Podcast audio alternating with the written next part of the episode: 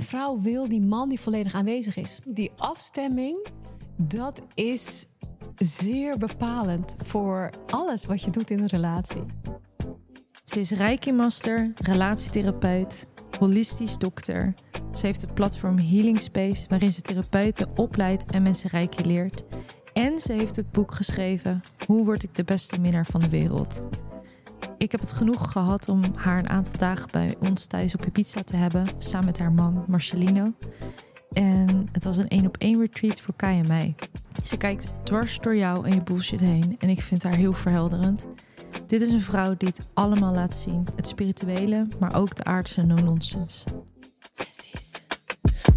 Let me remind you to feel and be unapologetically free. Yeah. This is Jessie's diary. Mm. Lieve Tonja, Lieve Jessie. zitten we weer. Ja, gezellig. ik, eh, ik heb je niet zo heel lang geleden bij mij over de vloer gehad.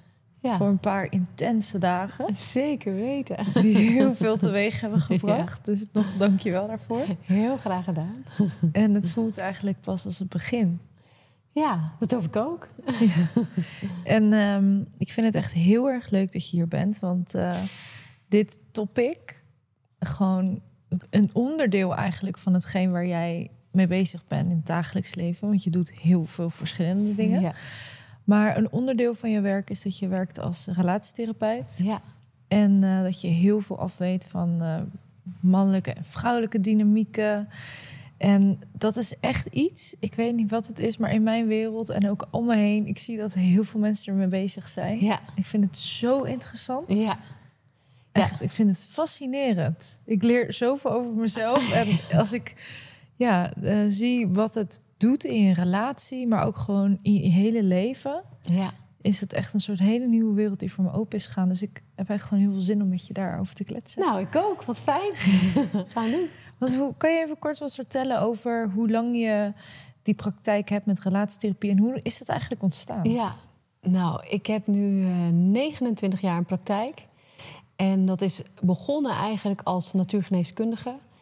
En ehm, ik ben dus opgeleid als natuurgeneeskundige, maar daarnaast heb ik eh, me heel erg gespecialiseerd in energetisch werk. En eigenlijk zou je kunnen zeggen dat ehm, als healer of als heler, zoals ik ben opgeleid, ben je ook altijd een relatieheler. Altijd. Omdat je als heler, het woord heel zit daarin, hè, altijd kijkt naar de mens in zijn geheel. Ja. Dus dat heeft de natuurgeneeskundige visie in zich. Dat heeft dus ook de energetische therapie in zich. Om een persoon te bekijken in zijn volledige zijn. En dus ook in de relaties die die persoon heeft. ja. Dus als, je, als ik iemand bij me krijg die ziek is, want zo komen de mensen bij mij, en ziek is dan ook een groot woord. Ik, eigenlijk wil ik mensen niet ziek noemen, maar laten we zeggen, als mensen bij mij komen met klachten en met disbalans, dan kijk ik ook altijd naar waar die persoon emotioneel mee te maken heeft. ja.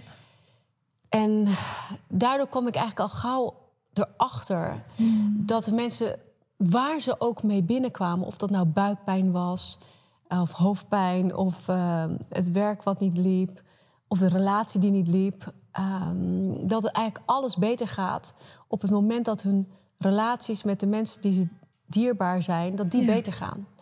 Dus het, ja, het werken op de relaties die de mensen hebben, is ook het werk op de mensen zelf. Ja, nee, dat kan ik echt helemaal beamen. Ja. En dat is dus allemaal zo mooi met elkaar verbonden. En je relatie is in principe ook echt je grootste spiegel, toch? Dus er zitten heel veel dingen die eigenlijk je in je relaties vaak gewoon weer spiegelen. Ja. Hoe kijk je daarnaar? Nou ja, eigenlijk zijn alle relaties die je hebt met mensen eh, spiegels van jezelf. Ja. Maar ik zeg altijd in de relatie met je geliefde geldt dat dubbel. Hmm. Omdat daar de meeste emotie zit. En eh, je daar ook het snelst getriggerd wordt. Ja.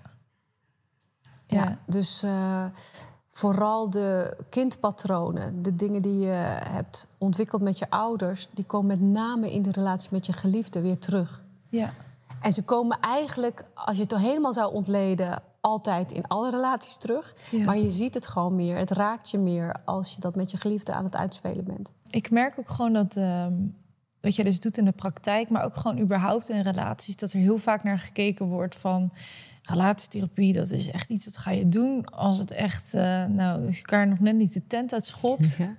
En het woord relatietherapie alleen al, dat is best wel een soort van beladen woord. Ja. En zo zou ik ook echt niet eens ons eh, weekend benoemen. Zo heb ik het echt helemaal niet ervaren. Want eigenlijk hebben we het ook wel veel natuurlijk over onze dynamieken gehad. Maar wat je zegt, het heeft nog veel meer te maken eigenlijk met de wonden die je allebei hebt. En wat ik zo prachtig daaraan vind, en misschien kan je daar zo wat meer over vertellen, is dat je eigenlijk elkaar dus ook onbewust uitzoekt om die delen van jezelf te helen. Zeker weten, 100 procent. Ik denk dat dat het allermooiste is om dat er iedere keer bij te halen in elke fase van je relatie dat je realiseert dat die ander er is om jou te helpen. Ja. En als ik zeg in iedere fase van je relatie, dan bedoel ik dus ook voor better en voor worse. Ja. Want uh, ja, ik noem het graag uh, koppelsretreat. Uh, als we met ja, privé koppels werken zoals met jullie. Maar we doen het ook met twee stellen of met 18 stellen. En we hebben alle soorten en maten koppels gehad. Hè. Alle soorten en maten koppels. Vorig jaar hadden we een retreat met 18 koppels. En nou, en een aantal daarvan die waren al langer dan 30 jaar bij elkaar. Maar we hadden ook een koppel wat nog maar vier maanden bij elkaar was. Ja. En eh, die zijn dan, zou je zeggen, helemaal niet therapiewaardig. Want hè, die vreden nog de sterren van de hemel. En heel veel van die koppels die al langer samen waren, die kwamen toch omdat er een beetje sleur in was geraakt. Maar dat jongere koppel, die had zeg maar ogenschijnlijk helemaal geen problemen. Als je naar ze keek, dan spatten de vonken er vanaf. Maar zij hadden ook al hun ruzies. Ja. Zij hadden toch ook al hun wrijvingen. En ze waren allebei al wel wat bewuster. Met name de jongen, die had al best wel veel innerlijk werk gedaan. En die had bedacht, ja, als ik dit nou goed wil doen... want die was toch wel echt gek op dat meisje... dan moet ik nu zorgen dat ik wat meer leer over relaties. Ja. En uh, dat vond ik zo'n leuke ingang ook, dat hij daar zelf voor gekozen had. Want heel veel mensen gaan ervan uit dat dat wel vanzelf loopt of zo. Maar als je heel eerlijk bent, wat leren we daar nou over? Op school leren we helemaal niks. We leren ABC, 1 plus 1 is 2. Maar wat leren we over relaties? Ja, natuurlijk leer je iets over relaties in een hele impliciete weg. Hè? En als er uh, gepest wordt in een klas, dan gaan we een, een pestprotocol uitdraaien voor die klas. Maar dat helpt je nog niet om weerbaar te zijn voor wat er daarna gebeurt. Dus we weten eigenlijk zo weinig over wat wij doen in de interactie met anderen en wat anderen teweeg brengen bij ons. En dat leer je alleen maar als daar ook iets over verteld wordt. Als je daar uitleg over krijgt. Dus voor mij is eigenlijk alle therapie altijd gebaseerd op uitleg. Gewoon uitleg, uitleg, uitleg. En vaak gaat het erom, niet dat ik het uitleg aan de mensen, maar dat de mensen zichzelf uitleg geven over wat ze hebben meegemaakt toen ze zes jaar oud waren, of toen ze, wat ze hebben meegemaakt toen ze drie jaar oud waren dat ze het zichzelf gaan uitleggen. Want uiteindelijk weet jij als beste wat je hebt meegemaakt toen je kind was. En het gaat er gewoon om dat jij vanaf je volwassen perspectief die uitleg kunt geven aan de jongere versie van jezelf. En dan heelt er iets. Dus die relatietherapie, om het dan maar zo te noemen. Ja, ik noem het niet per se zo, maar het is meer. Ik zou het meer een relatiehealing willen noemen. En koppelsretreats en privé-retreats die we geven. Het is wel degelijk therapie, maar het is niet per se koppelstherapie. Het is de therapie die je op jezelf toepast, waardoor je in verbinding kan zijn met die ander. Ja, klopt. En wat ik er ook heel erg fijn aan vind. En soms dan maak je ook heel veel dingen los van elkaar mee. Ja. Dus dan, uh, we hebben ook zat dingen samen gedaan, maar ook heel veel dingen apart. En dan kom je altijd thuis en dan is het zo van. Ja, het was zo bijzonder. Het was echt magisch. Ja. je kan helemaal die lading niet meer overbrengen van als jij op een retreat bent geweest, hoe ga je godsnaam dat aan iemand uitleggen? Ja. En doordat je dus samen dat helemaal gaat doorleven en gewoon ook de tijd neemt. Want heel eerlijk, weet je, als je gewoon gaat kijken hoe druk we gewoon zijn met het leven en werk en weet je wel, gezinnen en alle sociale dingen. Dus zoveel wat wij als mensen nu moeten. Ja. Dan, dan denk ik ook wel eens van, ja. Je moet even geëvacueerd worden. Ja, vind het gek dat het even niet meer zo lekker gaat? Wanneer heb je nou voor het laatst echt gewoon de tijd voor elkaar genomen? En ineens had ik ook wel echt zo'n A-moment dat wij dat dan hadden gedaan, wat ons zoveel heeft gebracht. Ehm, dat ik dacht van, wat raar eigenlijk dat we dit helemaal niet doen met elkaar. Ja. Dat eigenlijk wat je zegt, we verwachten maar dat Ja. dat dan vanzelf gaat. Ja. Terwijl je bent notabene elkaars dubbele spiegel. Ja. Dus alles wat er in je zit en wat nog heling nodig heeft, dat trigger je in elkaar. Dus als je ergens die tijd in moet stoppen, dan is het wel in je partner. Zeker, zeker. Ja, ik denk wel eens. eh, ik denk nu aan een koppel waarvan de man bijvoorbeeld super zakelijk succesvol is. Ja. En eh, nou, ze zijn samen ook wel eh, in die zin zakelijk een goed team. Maar die man heeft maar één stand. En dat Ja. is directeur zijn. Ja. Dus thuis is hij ook de directeur. Ja. En dat kan niet. Nee. En dat is niet omdat die man het niet wil. Nee. Maar simpelweg omdat hij nooit iets heeft geleerd over relaties. En ik zeg dan wel eens tegen zo'n koppels van... nou, als jij nou thuis je inzet zoals als je je inzet voor je bedrijf... dan wordt het zonder meer een succes. Ja. Want je hebt van al je bedrijf al een succes gemaakt... doordat je ook hebt willen leren daarover. Je hebt de juiste coaches ingehuurd, de juiste mensen...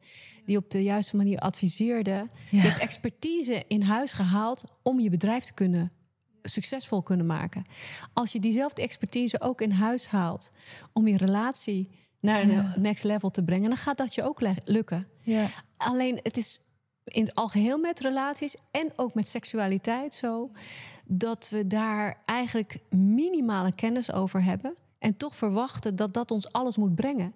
En het is dus niet zo gek dat we daar compleet over in de war raken. Want dan sta je daar in één keer. Ja, als je heel veel geluk hebt gehad, dan heb je op de middelbare school geleerd om een condoom om een banaan heen te trekken. Ja, dat is het dan.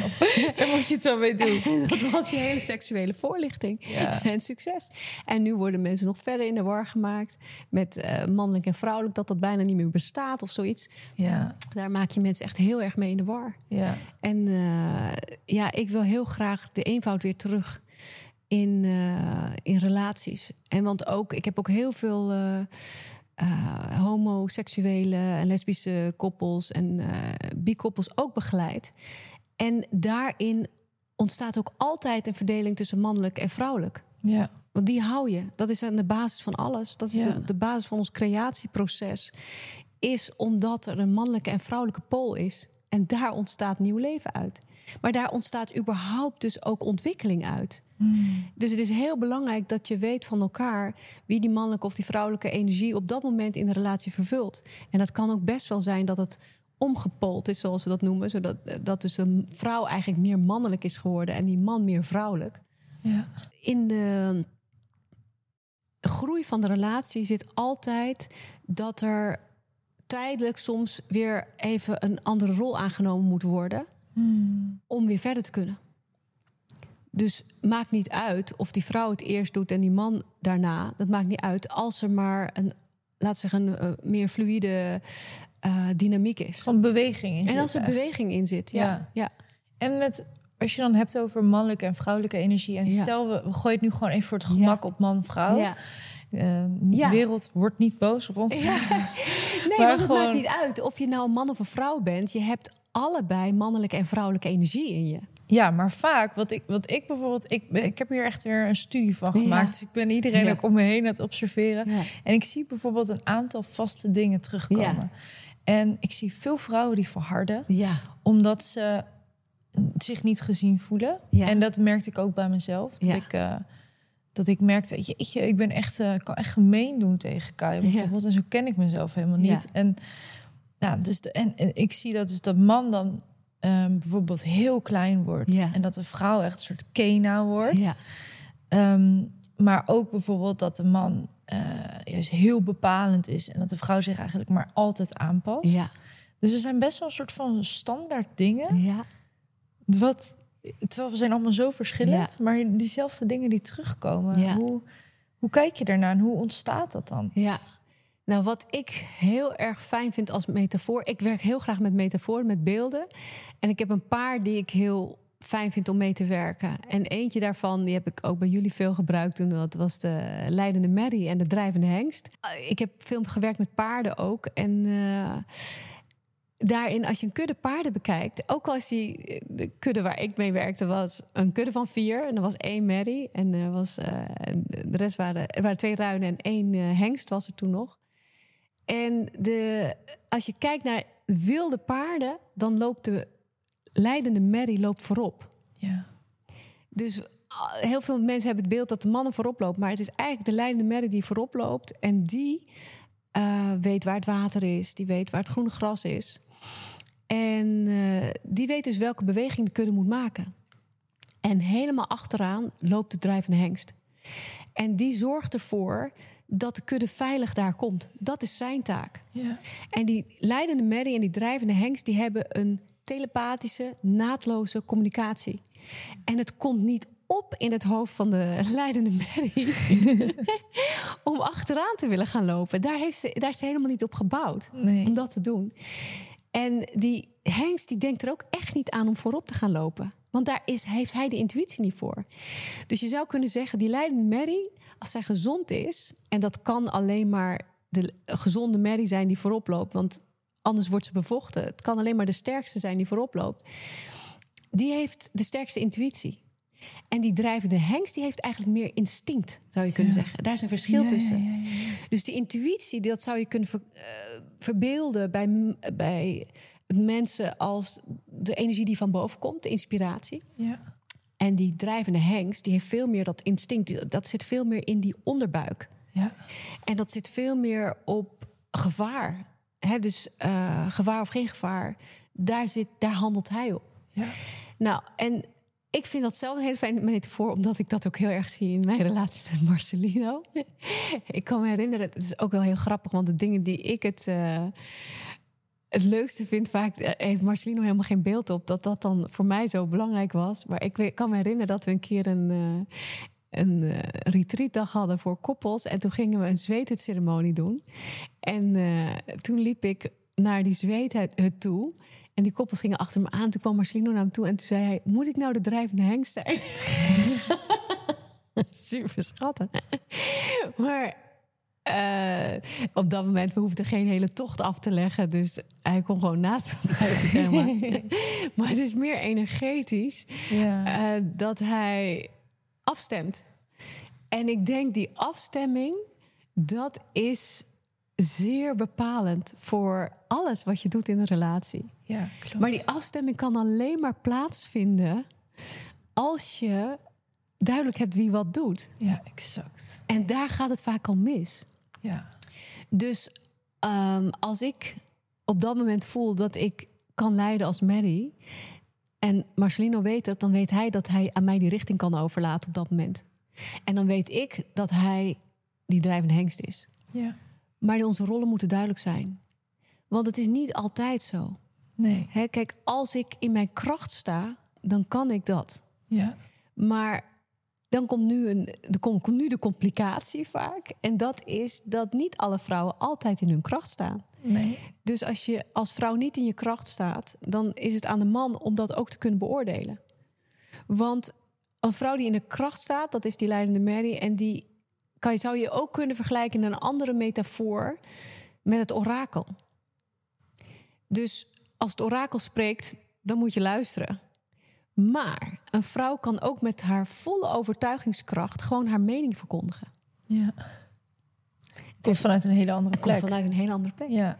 En als man moet je dat zuiver in de gaten hebben. Moet je dus wel weten, is ze nou gewoon gefrustreerd haar mening aan het verkondigen? En dan kunnen we zeer overtuigend zijn. Zeer overtuigend zijn. Nee, maar ik heb het echt goed gezien. Terwijl we eigenlijk gewoon gefrustreerd zijn. Ja. En een vrouw die orakelt herken je aan dat het in rust en liefde is. Ja, klopt. En dat verschil moeten mannen kunnen merken. Maar dat kan alleen maar een getrainde man. Je kan Ja. niet van elke man op elke plek vragen dat hij dat kan. Ja. Dus als een vrouw orakelt, kan het ook confronterend zijn voor een man. Ja. Want dan wordt hij misschien wel eventjes eh, gebracht naar een plek van waar hij nog geen bewustzijn op heeft. En denkt, oh, daar moet ik even naar mezelf gaan kijken. Maar het kan ook zijn dat ze zegt, je moet even naar jezelf kijken, want ik heb heel veel last van je. Ja, precies. Totaal anders. Ja. Het is vanaf een hele andere plek. De effecten kunnen allebei zijn dat die man naar zichzelf moet kijken om zich te kunnen ontwikkelen. Maar de plek van het orakel is dat dat zonder dwang gebeurt. Ja, en als ik dan naar mijn eigen relatie kijk, want ik, eh, wij herkennen ons ook heel erg in die, in die hengst en die merrie. Ja. En ehm, ik voelde me dus heel vaak niet. Ik dacht dat hij me dus niet zag Ja. als die merrie. ja. Erg. Omdat jij zelf ook niet wist dat je die Mary was. Nee, omdat. Nou, ik, ik voelde wel dat ik dat heel... ehm, Dat je graag voorop wilde lopen en dingen wilde... Nou, dat ik dat, of ik dat graag wil. Ik voelde dat Ja. gewoon zo. Dat ik ik kan er niks aan doen, maar ik weet gewoon wat we nu moeten doen Ja. of zo. En, niet, en eh, niet als in dat ik de leiding wil nemen, want ik vind het heerlijk, juist als Kai. Eh, maar meer de gids. Dat ik voel van, oh, we mogen echt, bijvoorbeeld dit retreat van, ik voel echt dat we dit moeten doen. En dat is een geweldige keuze geweest. En in dat soort dingen voel ik gewoon wat onze relaties of, of ja. mijn gezin dan nodig heeft Ja. daarin.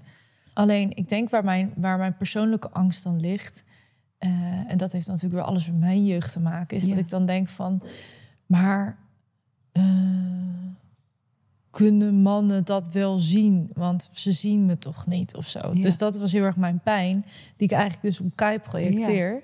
Ja, dat hij jou niet zou willen volgen. Ja. Ja. En dat hij in de weerstand zou zitten. Of niet Alleen luistert, niet of gewoon me niet ziet daarin. Ja, Of- ja. Terwijl eigenlijk ben ik in het weekend er juist heel erg achter gekomen dat hij me al die tijd heeft gezien.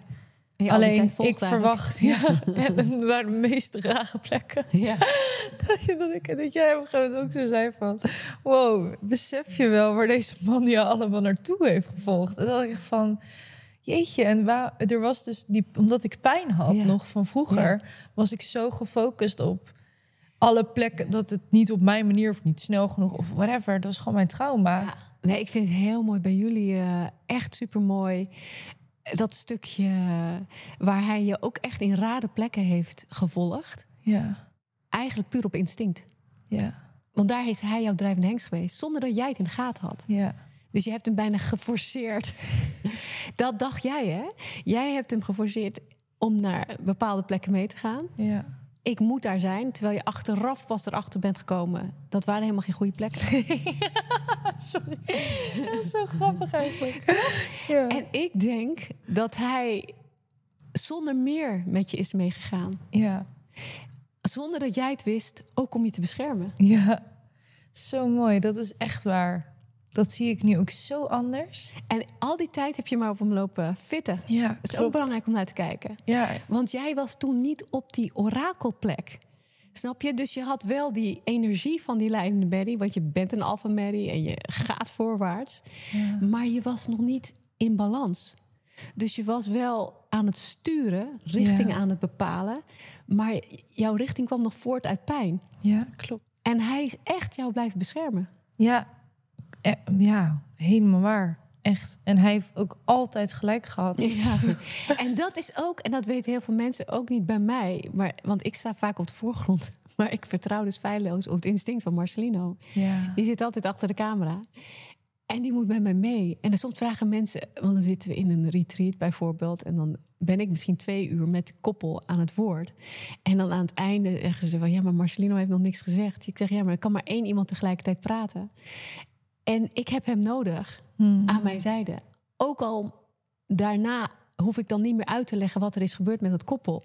Maar daarna in de feedback kreeg ik van Marcelino wel te horen wat hij heeft gezien. Ja. En dat is zo waardevol. Dat geeft mij ook weer vervolgens richting van dat ik weet wat we de volgende dag gaan doen, bijvoorbeeld. Ja, ja, ja, Dus die rolverdeling, die is super belangrijk. En op andere plekken waar ik eh, minder verstand van heb, wat dan ook. En dan is het belangrijk om nou naar een andere dynamiek te kijken. Eh, dan is hij eh, degene die de leiding neemt. ja. En dan is dat misschien niet vanuit de intuïtie van de leidende Mary, maar veel meer over waar hij skilled in is. En dat is ook heel belangrijk. En dan verlaten we even die metafoor van die leidende Mary en de drijvende hengst. Maar er zijn gewoon plekken waarin je erkent, waarin ik erken, oh, daar is Marcelino gewoon veel beter in dan ik. Bijvoorbeeld als hij een, dans, als een dansles gaan geven, ja, dan is hij degene die dat doet. Die neemt dan de leiding. Of een aikido-les of nou, iets waar hij in getraind is. En dan volg ik. En ik vind het heerlijk om dan mijn mond te houden. ik vind het heerlijk om dan niet vooraan te hoeven staan. En eh, dan, dan komen we veel meer in de metafoor die ik ook in mijn boek beschrijf, de, meer de Shiva en Shakti. En eh, Shiva en Shakti hè, is een van de godenparen in de Indiaanse eh, filosofie. ja. En ehm, daarin is Sh- Shiva is het goddelijke bewustzijn. Dus hij is fully present. En dat is ook heel belangrijk om dat te herkennen in je relatie. Dat wil een vrouw. een, wil, een vrouw wil die man die volledig aanwezig is.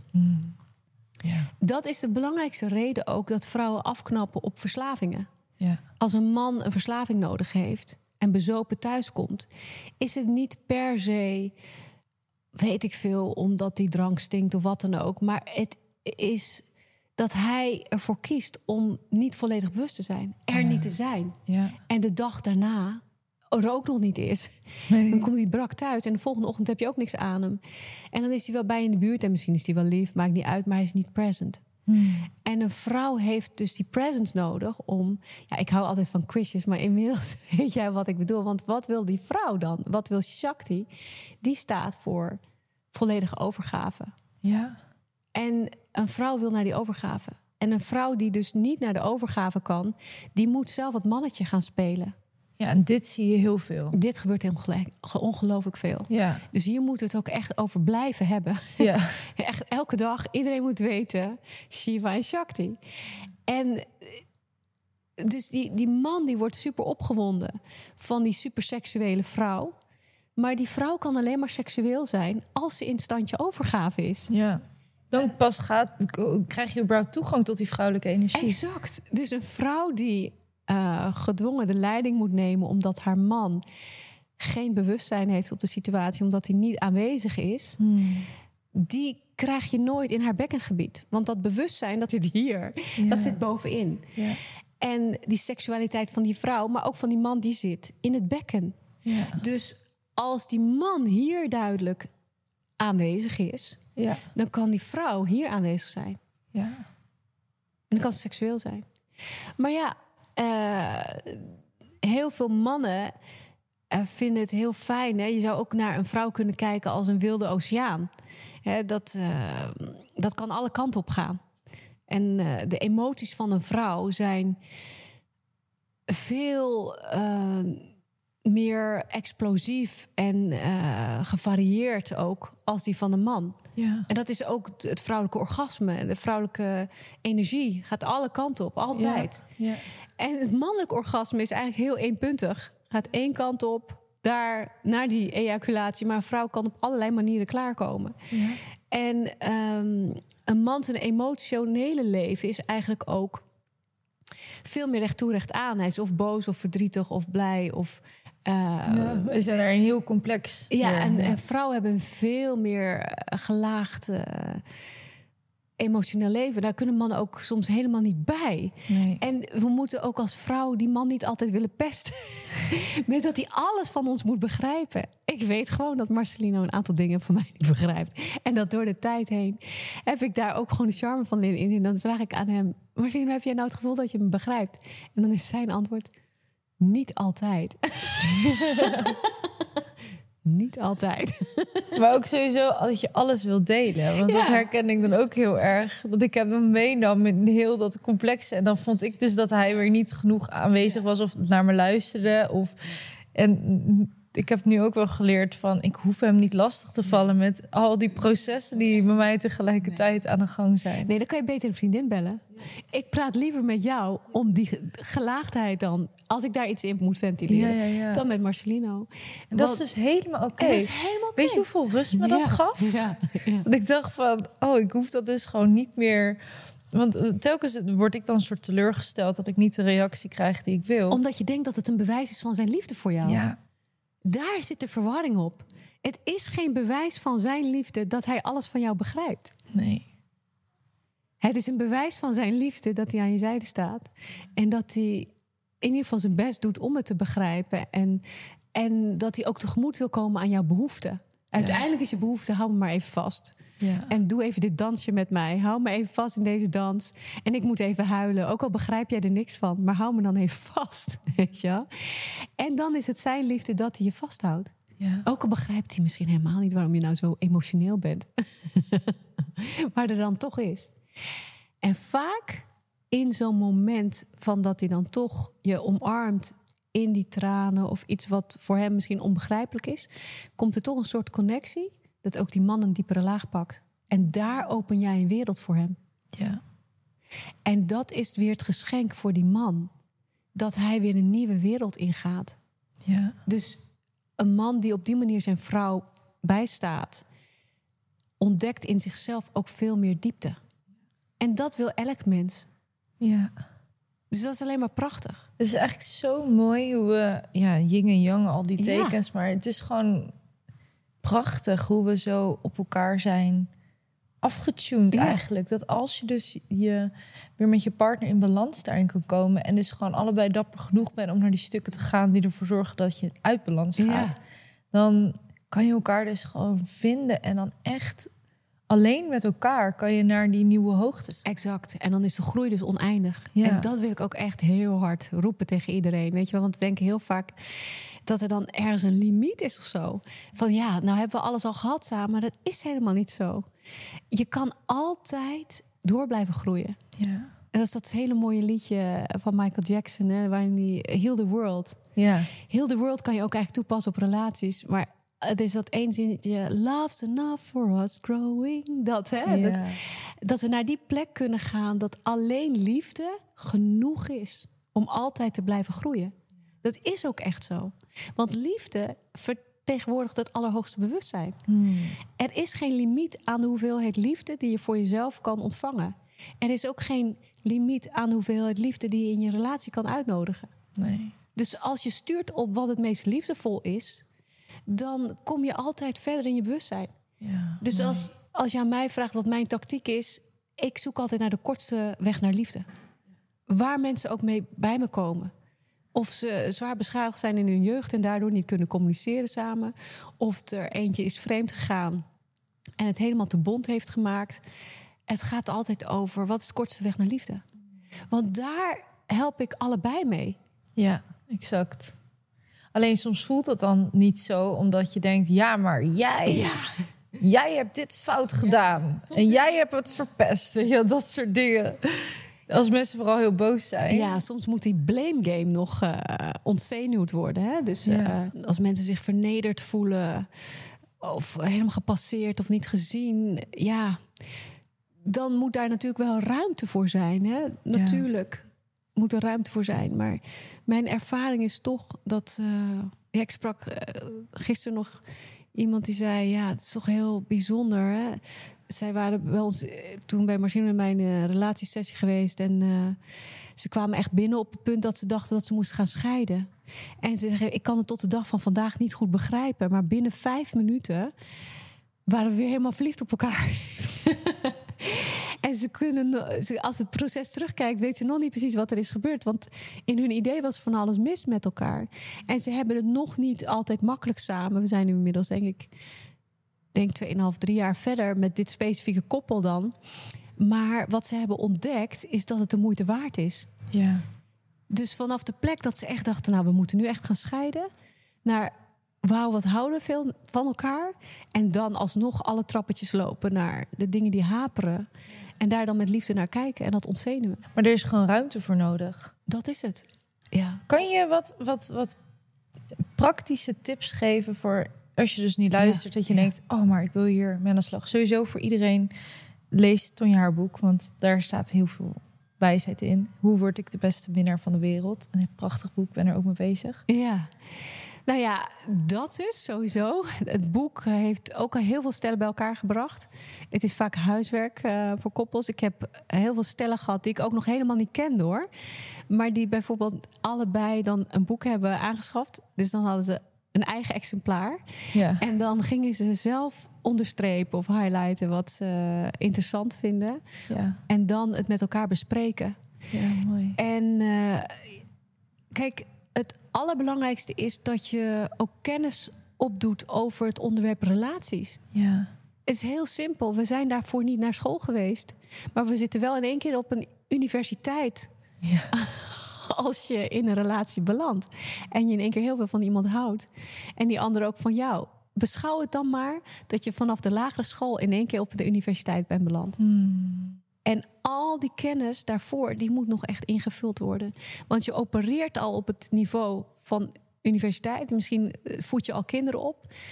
Maar qua kennis, Wat weet je er nou eigenlijk van? Ja, dus ehm, dan is boeken lezen al heel erg goed. En gesprekken voeren is heel erg goed. Maar je hebt bij alles in het begin wel wat spaceholding nodig. ja, dat is vaak waar het misgaat. Als je allebei geen kennis hebt van het onderwerp en je gaat dan een gesprek voeren erover, dan kan je vaak in heel veel extra frustratie belanden. Ja, je begrijpt het niet, maar je hebt misschien nog nooit geleerd om lichaamstaal te benoemen. Ja. En nou, in het boek staan heel veel praktische voorbeelden en tips die je kan doen om eh, elkaar op een veilige manier te leren kennen in dit onderwerp. Dat is één. En het tweede wat je kan doen, is wat jij net al zei, is erkennen dat dit tijd nodig heeft. Specifieke relatietijd. Ja. Je gaat er niet komen even, eh, laten we zeggen, tussen de afwas en eh, het kinderen naar bed brengen in. Ga je er niet komen. Je zal echt tijd moeten reserveren om met elkaar die verdieping aan te gaan. Daar zal je dus ook een format voor moeten hebben, zoals samen een boek lezen of van mij wordt samen een film kijken of een podcast luisteren. Ja. En daarna zou ik willen zeggen, ga dan alle momenten benutten. Dus inderdaad ook tussen de afwas en het kinderen naar bed brengen door. Zorg dan dat al je kleine en grote gesprekken gaan over dat je met elkaar in contact bent en Ja. wat je meemaakt. Maar voor je op dat level bent, moet je eerst een manier vinden om dingen bespreekbaar te maken. Ja, en eigenlijk is het zo apart hè, met relaties. Want het is dus echt de persoon waar je je leven mee deelt. Ja. Waar je een soort heel imperium mee opbouwt. Waar je kinderen mee grootbrengt. En dat hoorde ik ook ergens. En dat raakte me ook zo dat ik dacht van... De, de hele wereld krijgt eigenlijk jouw beste kant. Hè? Ja. Je gaat naar je werk en je bent een soort van opgeladen... want je focus is, ik moet werken. Dan ga je met je vriendin afspreken. Dan ga je lekker optitten en dan... En vaak in je relatie, dat, zulke fases heb ik ook gekend... Dat, het, dat ik dacht van, wow, kijk er echt maar afvoer. Gewoon hij, echt. is de, hij is de sluitpost. Ja, gewoon echt Ja. het allerlaatste Ja. wat nog van mij over is, dat geef je dan aan je partner. En als je dan weer kijkt naar de wereld van energie en dan is het toch ook heel logisch dat op een gegeven moment, als dat hetgene is wat, wat, je, wat ik onbewust inbreng, Ja, en als die ander dat doet ook. Ja. Dus je krijgt eigenlijk altijd een beetje de vermoeide, chagrijnige versie die je eigenlijk al hier zit. Dan is het logisch dat je op een gegeven moment ja, eh, even elkaar kwijt bent. ja. ja. En vervolgens zijn we daar dus heel verbaasd over. Want dan denken we, nou, hoe kan het nou? En vroeger was alles zo leuk, bij spreken. Terwijl eh, het is eigenlijk eh, niet meer dan logisch. En dan Ja. komt er nog eens bij dat we er dus nooit over hebben geleerd. Ja. Dat we confrontatie vermijdend vaak zijn. Dat er allemaal trauma's onbewust op liggen die nog naar die je elkaar constant in elkaar triggert. Er zit super veel PTSS in heel veel mensen. Ja. dat zie ik steeds meer van. Het enige wat hier aan doen zijn is PTSS, eh, traumatherapie. Ja. En eh, ja, het, voor mij, het lucht me altijd heel erg op. Soms, eh, en nou, onze kinderen zijn nu groot. We hebben nog eentje thuis. En soms hebben we dan in één keer een middag dat we samen thuis zijn. En dat we samen het bed induiken. En dan denk ik wel eens van, oh, maar ik moet nog dit en dat en dat en dat had ik eigenlijk ook moeten doen. En, Ja. dan, eh, en dan zegt Marcelino, maar dit is ook belangrijk. En, toen dan, en dan denk ik altijd, ja, je hebt helemaal gelijk. Want dit is de kern van waar al het andere om draait. Dus al die andere zaken waar we dan eigenlijk van spijbelen op dat moment, dat is helemaal niet zo. Want het allerbelangrijkste is dat wij goed gaan. ja. En dat zou ik iedereen gunnen gewoon. Dat mensen dat wat jullie samen kunnen doen, dat je dat eerst prioriteit geeft. En hoe komt het dan dat er dan toch vaak... Weet je, wat is dat dan onze mind? Dat we toch, toch andere dingen zoveel belangrijker maken? Ja, dat is wel heel erg conditionering. Ja? Dat is echt eh, de cultuur. En toch een beetje de Calvinistische eh, nastroom. eh, We zijn zo hard opgevoed met eh, ja, dat seks ook iets is wat. eh, ja, dat doe je allemaal in je eigen tijd, eh, achter gesloten deuren. Daar praat je niet over. Er zit veel taboe op. ja. En of er is heel veel taboe, of het is helemaal in het extreme. Eh, pornografisch, weet ik veel wat allemaal. helemaal exhibitionistisch. Maar de, de, de heilige kant, zoals ik het zou willen zien... van een eh, liefdevolle seksualiteit binnen een relatie... dat wordt helemaal niet gezien als een essentiële pijler... voor een gezond fysiek, emotioneel, mentaal leven. Dat is ons gewoon niet bijgebracht. Nee. Dus dan is het niet zo gek dat je dat niet opneemt in je programma van de dag. Nee. Maar je hoort dat eigenlijk op, gewoon op te nemen in je programma van dag. Net zoals dat je je boodschappen opneemt. Ja, dan heb je gekeken van oké, tussen zes en zeven kan ik boodschappen gaan doen, want ik moet vanavond eten. Maar de, de vraag is, wanneer vandaag kunnen wij seks hebben? Ja. En soms vinden mensen dat dan, ja, maar dan gaat de spontaniteit eruit. Nee, helemaal niet. Helemaal niet. Als jij gewoon weet dat je tussen twee en vier vanmiddag daar tijd voor hebt, wat lekker voor je. Want dan Ja. kan je daarop richten. En dan wordt het heel erg fijn. Ja, inderdaad, wat daar dan vanuit vlo- voortvloeit, vanuit dat je dus die verbinding weer met elkaar Exact. hebt. Uiteindelijk, en dat is natuurlijk ook gewoon dit hele systeem wat ons zo verrot maakt, is dat man en vrouw eigenlijk zo uit elkaar gehaald Ja. worden. Want ehm, mannen worden gewoon heel erg gezien, een beetje als die laffe, dikke, Ja. tv-kijkende, bier drinkende. Weet je wel, dat zegt Kai ook wel eens van, wanneer zie je nou gewoon een goede, echte Ja. masculine man? Dat, dat voorbeeld zien we ook niet. Ja. Die, en die mannen die zitten altijd van... Zo, nou, eh, mijn wijf zit lekker thuis. Ja. En eh, weet je wel, dus het is Alsof altijd dat een soort masculin van... is. Ja, precies.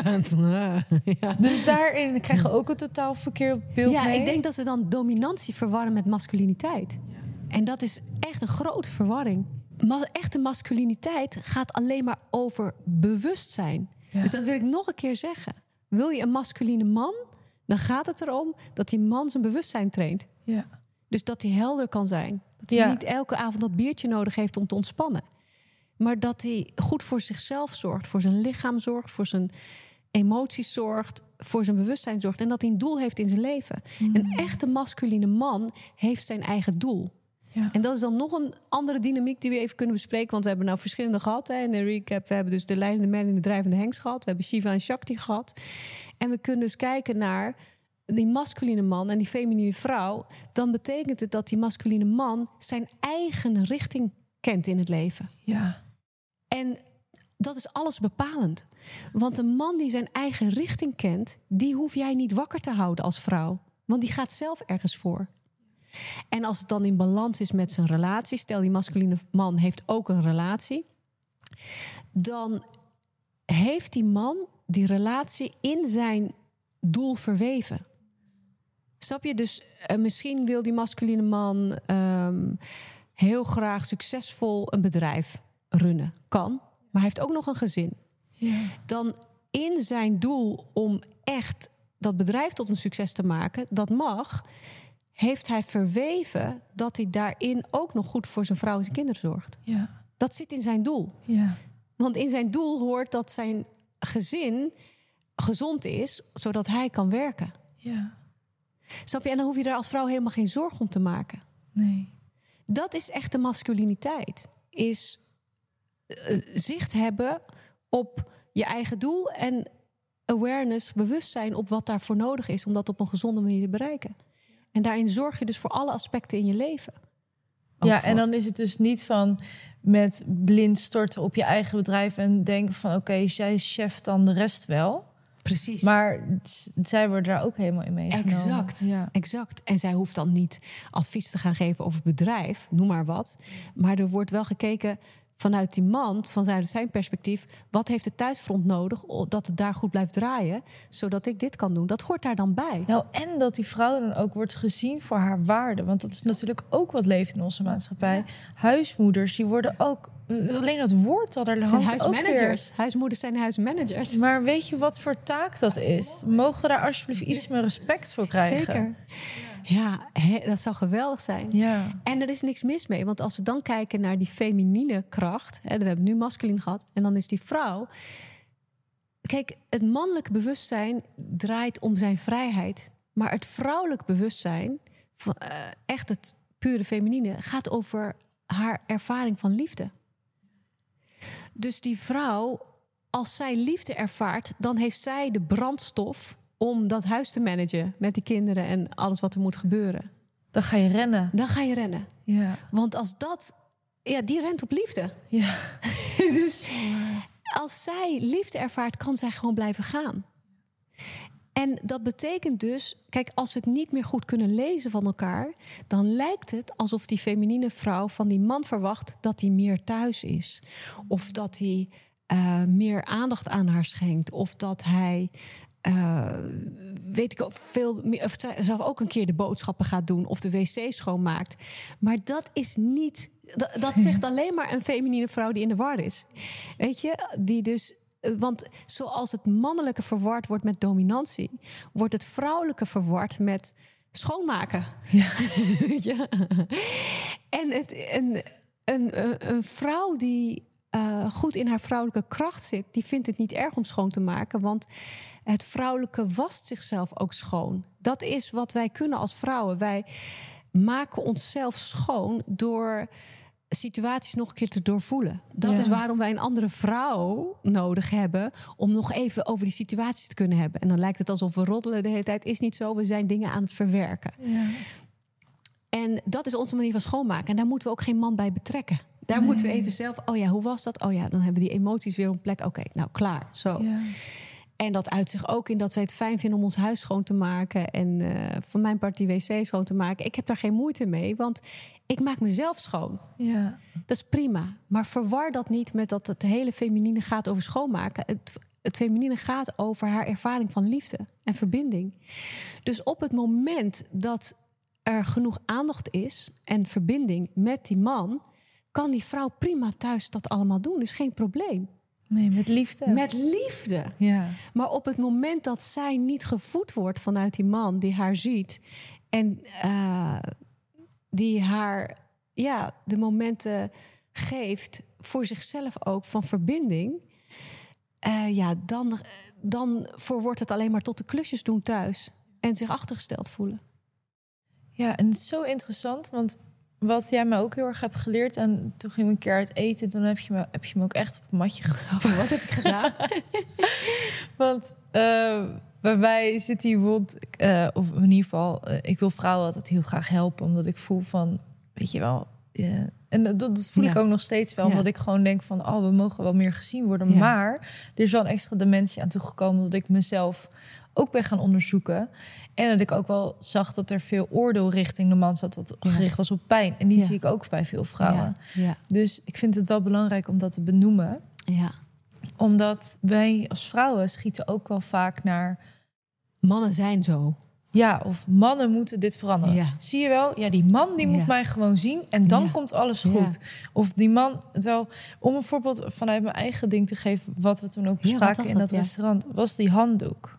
Ik heb dus echt, als Kai dit hoort, Oh, ja. sorry schat dat ik weer begin over die handdoek. Oh ja, ja die handdoek. Ja, Dit is zo'n trigger voor mij. Ik weet niet wat het is, maar ik wit heet. En ik zei dat tegen jou van, toen ja, ik word wit heet als die handdoek op de grond ligt. En ik kan er niks aan doen.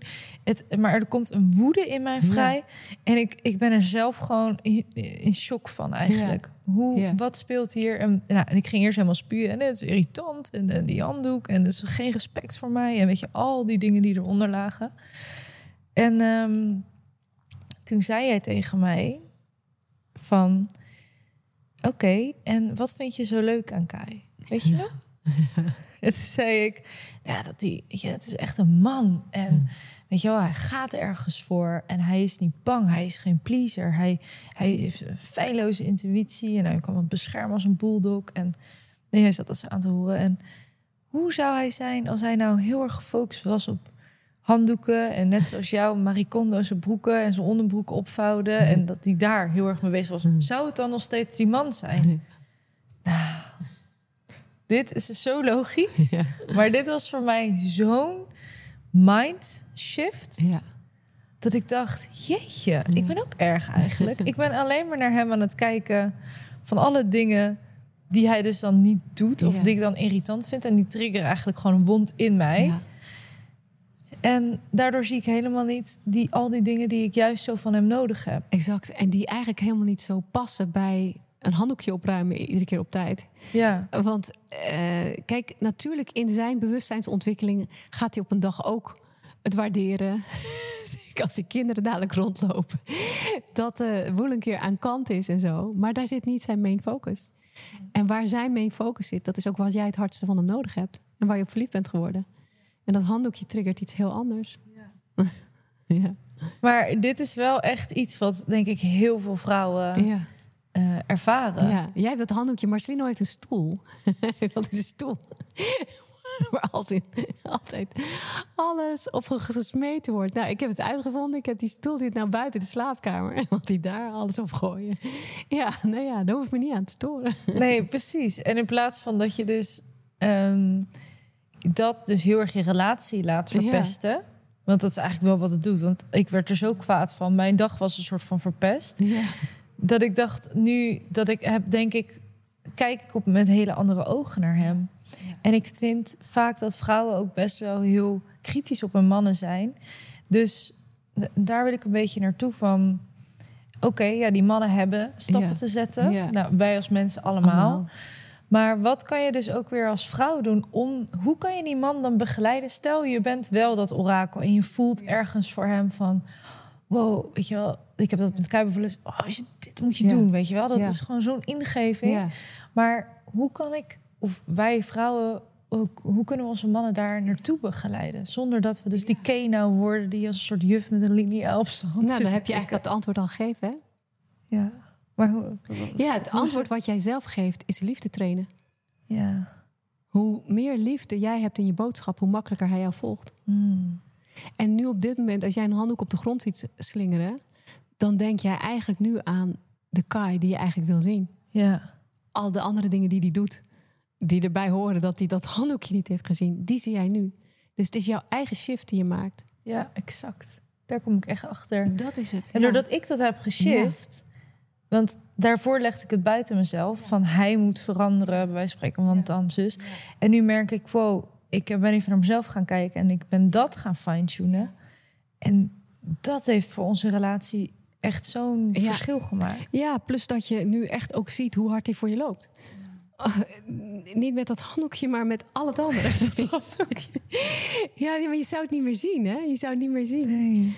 Dat hij naar de andere kant van de wereld loopt voor je. Omdat je gefixeerd raakt op een eigen OCD-stukje... wat eh, vanuit je eigen jeugd eh, nog niet geheeld is. Ja, En als je het orakel bent, dan heeft je man dat in de gaten. ja die, die voelt dat dan ook. Natuurlijk. Ja. Natuurlijk voelt die man dat. Feilloos. Dus als je het idee hebt dat jouw man jou nog niet volgt daarin, ehm, dan eh, is er echt nog iets te doen op het gebied van liefde. En dan moet je eigenlijk weer even terug naar de basis. En dan, ja, dan komen we weer bij de tips die we hiervoor zeiden. Dan ga dan een boek lezen samen, zodat je gaat, samen een taal gaat maken, een eigen liefdestaal gaat maken. Als je dezelfde boeken en, leest en films ziet en documentaires kijkt, wat dan ook, dan leer je ook over dingen te communiceren samen. Ehm, ga een keer een relatiesessie doen. Eh, maak een keer overdag tijd voor seks of voor Ja. een gesprek. Plan het in in je agenda.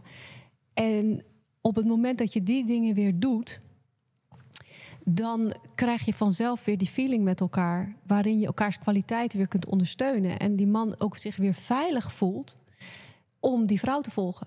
Want laten we alsjeblieft daar niet aan voorbij gaan dat het niet alleen gaat over de veiligheid van vrouwen in relaties. Een man Nee. moet zich ook veilig voelen. Hij zal het misschien anders uiten als hij zich niet veilig voelt. Maar een vrouw die zich niet veilig voelt, die gaat misschien in de hoek zitten, maar die kan ook om zich heen gaan meppen. Maar dat, en dat kunnen mannen ook.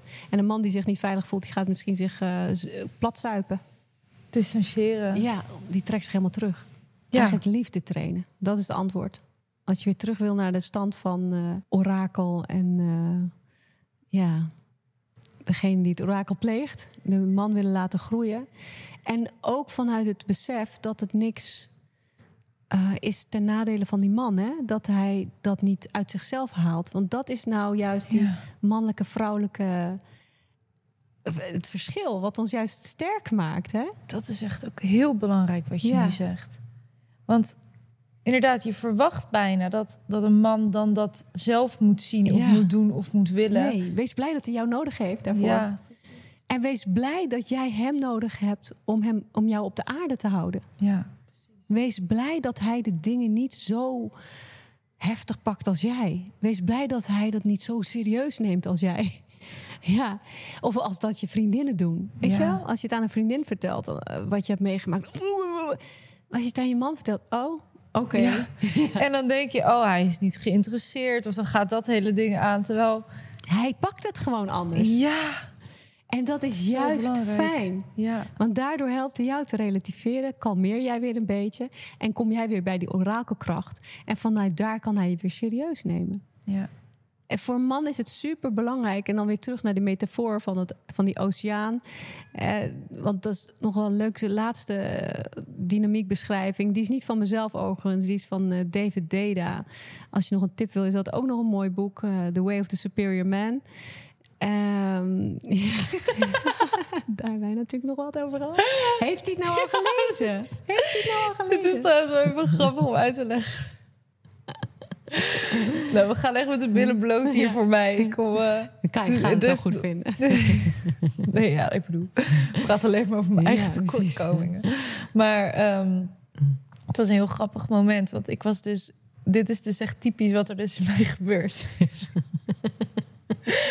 Waar ik nog werk aan de winkel heb. Ik was dus heel geïrriteerd op Kai. Want toen je vertelde dus over dit boek... Ja. En eh, ik had zoiets van, eh Kai moet dat lezen. Ja.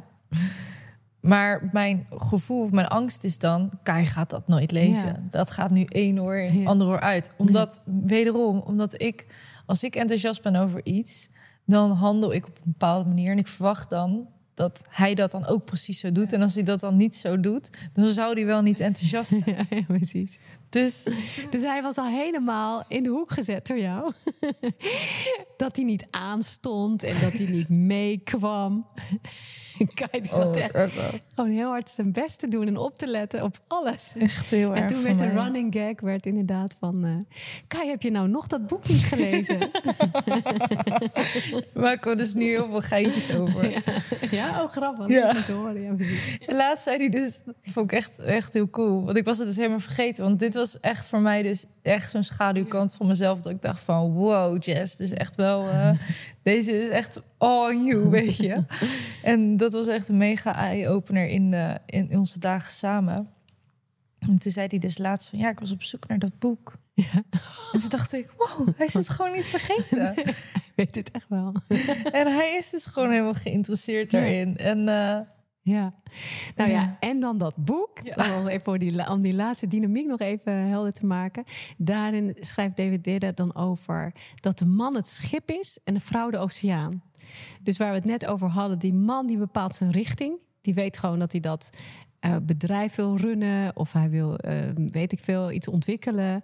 Daar hij mee bezig. En die vrouw is de oceaan. Dus dat schip dat vaart van A naar B. Maar hij moet rekening houden met de golven en het getijden. En er kan een storm opsteken. En dat kan betekenen, of er kunnen onder water eh, rotsen zijn of wat dan ook, waar hij dus omheen moet varen.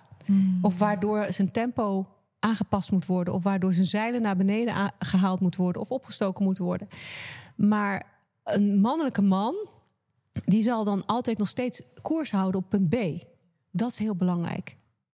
Dus die gaat niet mee in de chaos. Nee, die gaat niet mee in de chaos. Dus, maar hij moet het wel serieus nemen. Dus hij moet wel schakelen. Maar dan gaat het veel meer over blending with the waves. Ja. Weet je, dus dit schip moet met de oceaan samenwerken. eh, om op zijn punt te kunnen komen. Dus hij kan ook niet jouw emoties negeren. Dat is niet de route om bij punt B te komen. Dat gaat niet. Hij kan niet doen alsof het er niet is. Nee. Hij zal er wel wat mee moeten. Ja. Alleen ehm, als die jouw emoties incasseert, dan gaat het veel meer over het- de gelijkenis van het incasseren van een storm op zee. Daar hoeft hij niks van te vinden. nee. Dat is gewoon zo. En als het weer kalm is, nou, dan kan die daar weer op gaan laveren. Heel mooi. Ja, dat vind ik ook een supermooi metafoor. Dus dan hebben we eigenlijk verschillende dynamieken nu besproken, die allemaal helpvol kunnen zijn in verschillende situaties. Weet je wat ik, welke vraag me nog opkomt? En dit is denk ik ook wel iets wat veel mensen zullen herkennen. Ehm, ik vind het wel best wel ingewikkeld. Ehm, ook natuurlijk nu dat ik een kleine krijg, en dat heb ik in die andere podcast ook al besproken. Maar we hebben bijvoorbeeld allebei onze bedrijven. Ja. En weet je wel, zijn heel, eigenlijk heel ambitieus allebei. En soms denk ik wel eens, ik zie dat ook bij een, vriend, een bevriend stel bijvoorbeeld. Zij werkt niet En zij hebben daarin echt een hele mooie balans. En Ja. ik kan echt met zoveel lof naar haar kijken hoe zij dat allemaal thuis doet. En Ja. met hoeveel liefde zij de tuin en de, Ja. de mensen die langskomen en het eten wat ze bereidt. En dan vind ik echt prachtig. Ja. Maar ik heb ook gewoon een bedrijf te runnen. Ja. En hoe pas je dan dit, deze principes dan toe? Ja. ja, voor jullie werkt het anders. Kijk, in, in de ideale wereld, die er Ja. heel zelden is, kan je elke dag die balans hebben. Zoals die vriendin die jij beschrijft. Echt geweldig. Daar heb ik ook heel veel respect voor als mensen het zo voor elkaar krijgen. Maar voor de meeste mensen is de realiteit zoals die voor jou en Kai op een bepaalde manier. En dan gaat het er dus om dat je een bepaalde tijd reserveert. Ja. En dat heb je eigenlijk al gezegd. Hè, dus over, wat is het? Over negen maanden zitten Ja. we weer bij jullie en gaan we gewoon weer tijd investeren. Ja. Dus de, en dat is, ik zie dat ook in mijn eigen leven gewoon voor de balans in mezelf. Ik trek altijd sprintjes. Weet je, dus er zijn gewoon heel veel dingen die achter elkaar komen. En dan weet ik, er komt nu een periode van rust. En die plan ik in, omdat ik weet dat ik het niet elke dag zo kan doen als dat ik het wil. Dat ik toch net even iets te veel geef. Maar daarvoor in de plaats komt een periode van rust. Dus zo doe ik het. Hmm. En zo doen Marcelino en ik het dan ook. Ik weet nog wel, gisteren liep ik een retreat uit. Ik kom net uit Griekenland. En eh, ik heb best wel wat achter me kiezen met heel veel groepsdynamieken en eh, dingen die er gebeuren. En ook onze organisatie runnen vergt ook de uitdagingen. En toen eh, en daar had ik ook iets over gedeeld in de groep. En eh, toen zei een van die deelnemers van... eh, oké, nou zorg ook goed voor jezelf. En ik hoorde mezelf zeggen... ja, mijn therapie is Marcelino. de komende tijd ben ik heel veel met hem. En nou kom ik helemaal tot rust. Dus wij hebben het nu gewoon georganiseerd... dat we, weet ik wel, vier, vijf weken zijn we achter elkaar... bijna elke dag samen. En dat geeft mij heel veel rust. En dan is het ook weer prima... als we daarna weer een periode hebben... dat we van hoort naar her gaan... en elkaar iets minder tegenkomen... En ik denk dat het voor jou en Kai ook zo werkt. Ja, maar ook gewoon vooral die mannelijke en vrouwelijke dynamieken. Want ik wil dolgraag wat meer die vrouw zijn die de bloemetjes op tafel zet. Ja. een soort van echt, nu geef ik echt Ja. hele cliché voorbeelden. mag. Maar gewoon die wat meer met eten bezig is. Maar dat kost ook gewoon heel veel tijd. Het is niet voor niets dat... Je ging een kookcursus doen, toch? Ook, of niet? Die heb ik al gedaan. Heb je gedaan? Ja, ja. Nee, en ik maak nu veel meer ontbijtjes. Ja. En nou, ik vind, vind dat ook oprecht heel leuk om te Ja. doen. Maar tegelijkertijd heb ik niet, heb ik ook een bedrijf te runnen. En soms vind ik dat dus best wel ingewikkeld. Omdat ik dan voel van, ja, ehm, dan lijkt het net dat het, dat het te veel wordt. Ja, ik denk niet dat het zo is. Het gaat gewoon over mailtijd met jezelf. Ja, En erkennen dat je nu al die ontbijtjes maakt. Weet je, je pakt iedere keer een stuk op. ja precies. Da- dat is het. En al die details die, er nog wil, die je nog wil dat er komen, die komen wel. Ja, Stuk voor stuk. Maar als je wil dat het alle minuut nu gebeurt, Ja. dan raak je alleen maar gefrustreerd. Eén, ja, guilty. Ja, het heeft ook te maken met de manier waarop je ernaar kijkt. Ja. Zie wat je al doet. Geef jezelf dat ook. Ja, en ook als ik er nu zo hoor praten, zit hem inderdaad ook in die hele kleine dingen. Gewoon überhaupt al die verschuiving van. Ja, waar ik dus eerst die, die, die wond heel erg voelde van... oh, ik moet niet te hard rennen of te veel doen... want jeetje, wat gaat er dan... eh, dan wordt het allemaal voor lief genomen. Ja. Dat is natuurlijk echt mijn Ja. jeugd geweest wat ik heb gezien. Ja. En dat ik nu al voel van... oh, dat is helemaal niet aan de orde. Nee. Dat speelt helemaal niet. Dat, ik ben helemaal veilig in mijn relatie hier. ja. Dus eh, Gaan we lekker de onderbroeken opvouwen in de kast. ja, Want dat vind jij leuk. ja, en dat mag, dat mag ik ook gewoon leuk vinden. En ik hoef dus niet bang te zijn dat hij daar dan misbruik van maakt of zo. Dus dat geef jezelf dat je elke keer weer een stukje verder ontwikkelt. Ja, En dat je voor al die stukjes ook een bepaalde ontwikkeling nodig hebt. Dus voor het feit dat je nu veel meer aandacht hebt voor die ontbijtjes, heb je een kookcursus gedaan, heb je inspiratie opgedaan. Voor het feit dat je nu fijn, zonder schuldgevoel en zonder gevoel van angst, de onderbroeken mag opvouwen in je kast, hebben we nu een koppelsretreat gedaan. Weet Ja. je wel? Dus, eh, voor alle dingen die je daarin wil masteren, zorg je ook dat je op tijd gewoon wat input krijgt. ja, Zoals alles in het leven. Dus als zolang we elkaar maar niet voor, en onszelf met name niet voor de gek houden, dat we dingen moeten kunnen waar Ja. we nooit iets over geleerd hebben. ja, en dat je dus dat niet allemaal hoeft te doen. Nee. Dat het niet per se dan die verhouding hoeft te zijn dat het dan alleen maar werkt. Weet je wel? Het kan allemaal naast elkaar bewegen. Ja. En dat het is eigenlijk gewoon heel erg dat innerlijke proces is Ja. met jezelf. Ja. Als je daar vrede mee Dat je die kleine dingen Ja. weer voor elkaar kan doen. Ja. Net dat ontbijtje maken. En hij voor mij net even naar me luisteren als ik overloop. Ja. En dat ik dan denk, oh, wat fijn. ja, Nou, en dat eigenlijk zijn het ook die kleine dingen, toch? Ja, altijd. Altijd. Het is ook als er hele grote dingen misgaan, dan zijn het de details die pijn doen. Ja. En andersom is het ook zo.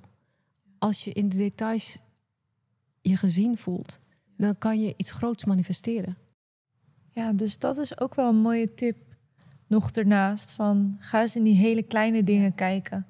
Kan je in plaats van als hij iets aan je vraagt zeggen, nou, eh, weet je Ja. wel zo reageren? Of kan je Ja. net het opbrengen om te zeggen, tuurlijk schatje, doe ik ja. even voor je. Ja, precies. Gewoon alleen dat is al zo'n ek- gigantisch verschil. Ja.